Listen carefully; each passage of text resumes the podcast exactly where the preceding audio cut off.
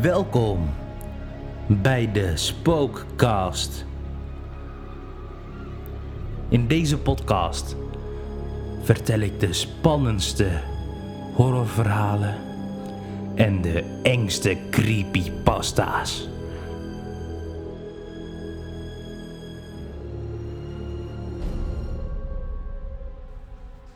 Dit spookverhaal heet De Moordhut. Het is het einde van het schooljaar op MC High. En dat betekent dat de laatstejaars een wedstrijd houden om te kijken welke klas naar een vakantiehut mag. Op een geheime locatie. Dit verhaal is van Liz. Zij zat in de klas 5F. En die klas mocht naar de vakantiehut. Alleen, er gebeurde een ramp. Hallo, ik ben Liz. Wij hebben een vrij kleine klas. Zes jongens en vijf meiden. De jongens heten Klaus, Dirk, Freddy, Erwin, Henk en Bart. De meiden heten Christel, Roos, Sophie, Rebecca en ik, Liz. Elke klas in het laatste jaar moest een quiz doen over onze school. De klas met de hoogste score mocht naar de hut. Je kon de spanning voelen tussen iedereen in de zaal. Natuurlijk wou iedereen naar de hut toe. Het was dé magische plek voor drank, feest en nacht doorhalen. Het was een mysterieuze hut. Niemand wist precies waar de hut was, behalve de buschauffeur.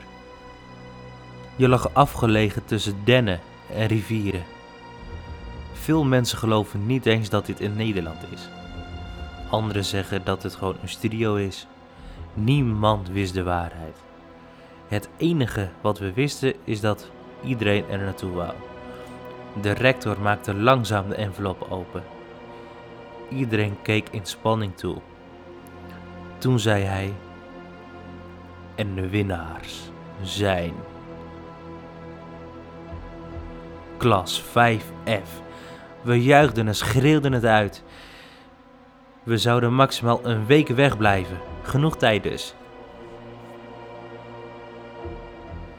Datzelfde weekend gingen we op zondag weg. Ik had mijn koffers gepakt en keek er erg naar uit om met mijn vriendinnen lekker te gaan feesten. Het was zondagmorgen en we moesten vroeg op de verzamelplek verzamelen. De bus zou om stipt 5 uur vertrekken. We waren ongeveer anderhalf uur weg en zowat iedereen sliep al direct. Dat is wat ze willen natuurlijk. Ze gaan zo vroeg mogelijk weg, zodat we niet zouden zien waar we naartoe zouden rijden. Het was zes uur later en toen werd ik wakker. Ik zag dat veel kinderen al wakker waren. De rit zou in totaal acht uur duren, totdat we bij de hut waren. Plotseling stopte de bus en iedereen schrok wakker. Wat is er aan de hand? Wat is er gebeurd? Hoorde ik aan alle kanten. De buschauffeur was erg geschrokken. Hij liep naar buiten, met zijn gezicht zo wit als sneeuw.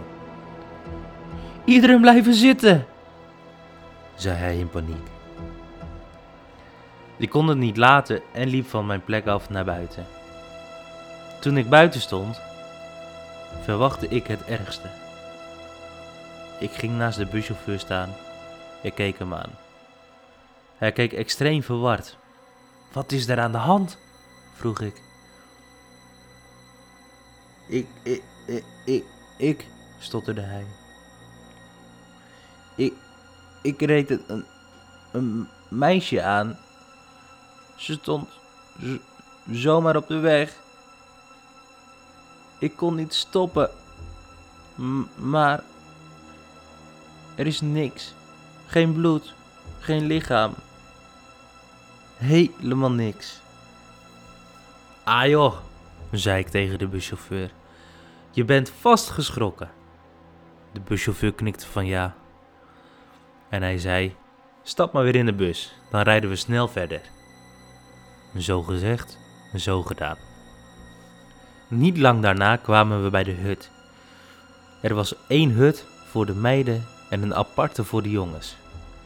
We kwamen rond 1 uur aan en we waren allemaal back af. We hebben even gepraat, gegeten en toen zijn we om 8 uur al naar bed gegaan. Die nacht was raar. Ik werd rond 3 uur wakker en wou wat water pakken uit mijn tas. Ik deed het lampje aan die achter mij stond. Ik keek even rond en ik schrok me dood. Ik zag Sophie rechtop zitten met haar zwarte haren door de war en haar ogen zo dood als de nacht. Ze keek naar me. Ze zei niks. Sophie? zei ik met een trillerige stem. Sophie, gaat het? Nog steeds geen reactie. Alleen de donkere staar recht in mijn ziel. Sophie stond op. Ze liep naar de woonkamer. Sophie stond stil in het midden van de woonkamer. Ik zei nog een keer: Sophie? Dit was ongelooflijk wat er daarna gebeurde. Haar hoofd draaide compleet naar achteren terwijl haar lichaam bleef staan. Ze keek me aan. Plots schreeuwde ze en ze viel op de grond. Alsof al haar botten gebroken waren. Die schreeuw van haar was geen gewone meidenschreeuw. Dit was een schreeuw die tot op de dag van vandaag nog steeds in mijn nachtmerries voorkomen. Toen kwamen de drie andere meiden naar me toe en schreeuwden het uit van de horror die ze zagen. Snel hebben wij de ambulance gebeld en probeerden we uit te leggen wat er gebeurd was.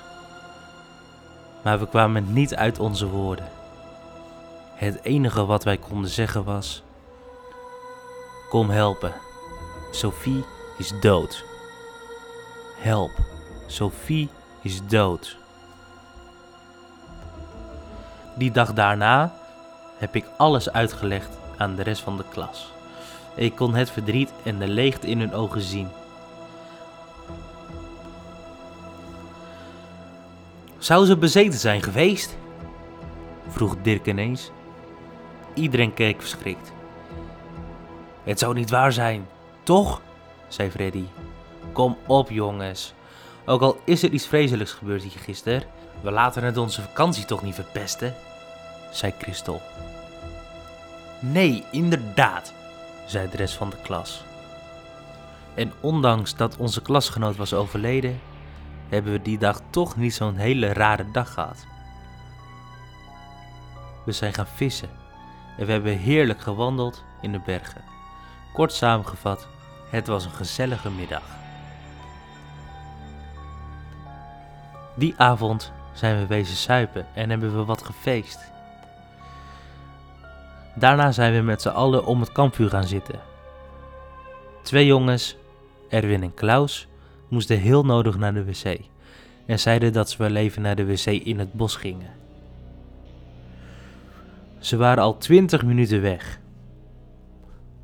Ik ga even checken of ze oké zijn, zei Freddy. Twee minuten later hoorden we een keiharde geel vanuit het bos en iedereen ging kijken wat er aan de hand was. We kwamen Freddy tegen. Hij was bang. We keken naar beneden.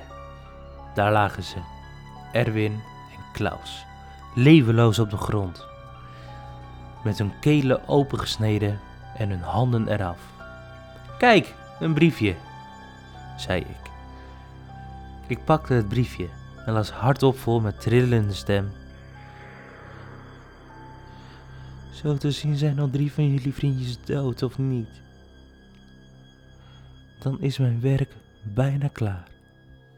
Nog acht te gaan. Slaap lekker. B. Wie is B? vroegen we aan elkaar. Oké, zei Freddy. Er is duidelijk wat aan de hand.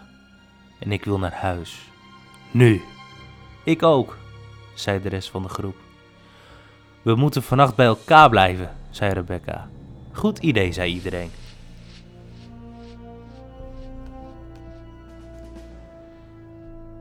Die nacht sliepen de jongens en de meisjes bij elkaar. We hebben verrassend goed geslapen. Eén voor één werden wij wakker. En tot onze grote schrik hing er een briefje op de deur. Ik heb vannacht gas in jullie hut gedaan, zodat jullie kunnen blijven slapen. Ik ben daarna naar binnen gegaan en heb twee meiden en één jongen meegenomen. Ik zei toch, slaap lekker. B. Daarbij lag een foto waar Freddy, Christel en Rebecca op stonden. Op elkaar gestapeld, met hun ogen eruit en bloed over hun hele lichaam. En ze lagen op de grond. Jongens, we gaan deze week niet overleven, zei Henk in paniek. Iedereen wou weg. Nou, we wouden niet, we moesten. We hebben geen idee wie B was. En waren doodsbang.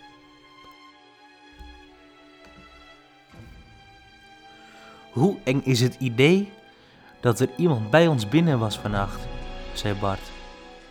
Ik wil echt naar huis, jongens. Dit wordt me echt te veel, zei Dirk. Ik probeer voor hulp te bellen.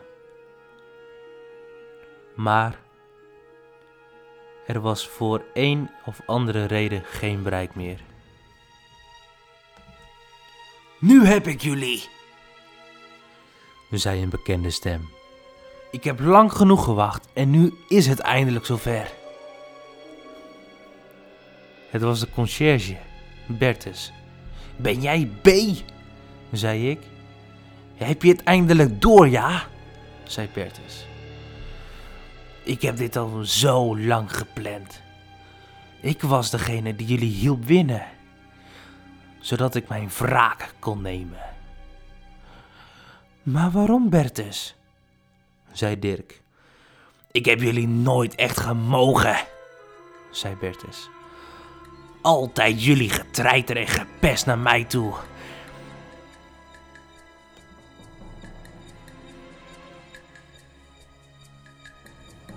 Ik was het zat. En laatst, toen jullie per ongeluk mijn dwel en emmer omgooiden. Ja, dat was echt een druppel. Maar moord? vroeg ik aan de conciërge. Ach ja, niks meer aan te doen. Of wel? zei Bertus terwijl hij zijn pistool omhoog hield en de trekker overhaalde. Ren! schreeuwde Bart. Dirk, Henk, Roos en ik konden nog ontsnappen aan Bertus. Ik keek om, maar ik zag dat het voor Bart te laat was. Hij probeerde te vluchten, maar het was te laat. Bertus schoot hem vier keer door zijn torso.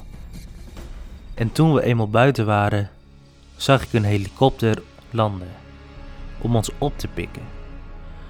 We hadden na de moord op Erwin en Klaus de politie gebeld. En ze hadden alles nagetrokken. Ze hadden ontdekt wat Bertus van plan was. En ze kwamen zo snel mogelijk naar ons toe. Dirk sprong in de helikopter en pakte mijn hand en trok mij omhoog. Dirk probeerde Henk nog te pakken, maar tevergeefs. Hij wou net zijn arm uitsteken totdat hij door zijn hoofd werd geschoten en hij neerviel.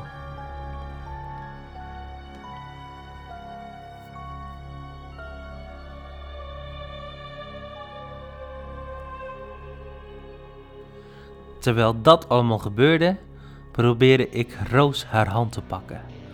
Maar de helikopter stijgde te gauw op en het was net te laat. We moeten terug voor Roos, schreeuwde ik. Het is al te laat, zei een van de piloten. Ik keek naar beneden en ik hoorde een harde knal. En daar lag ze. Roos. Roos was neergeschoten.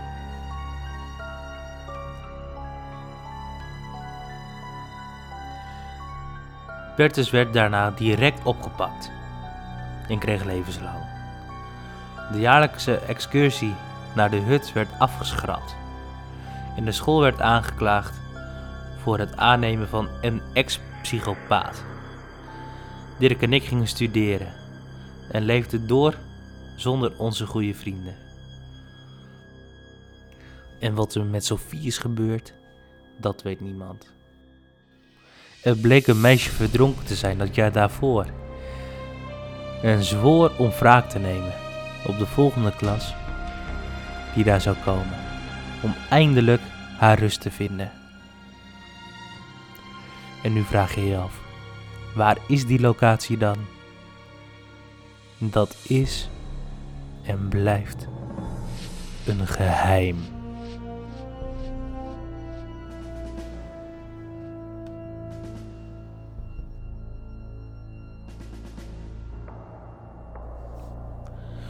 Vond jij dit verhaal nou ook zo spannend? Abonneer je dan snel. En mis geen enkele aflevering. En volg mij ook op Facebook. De Spookcast.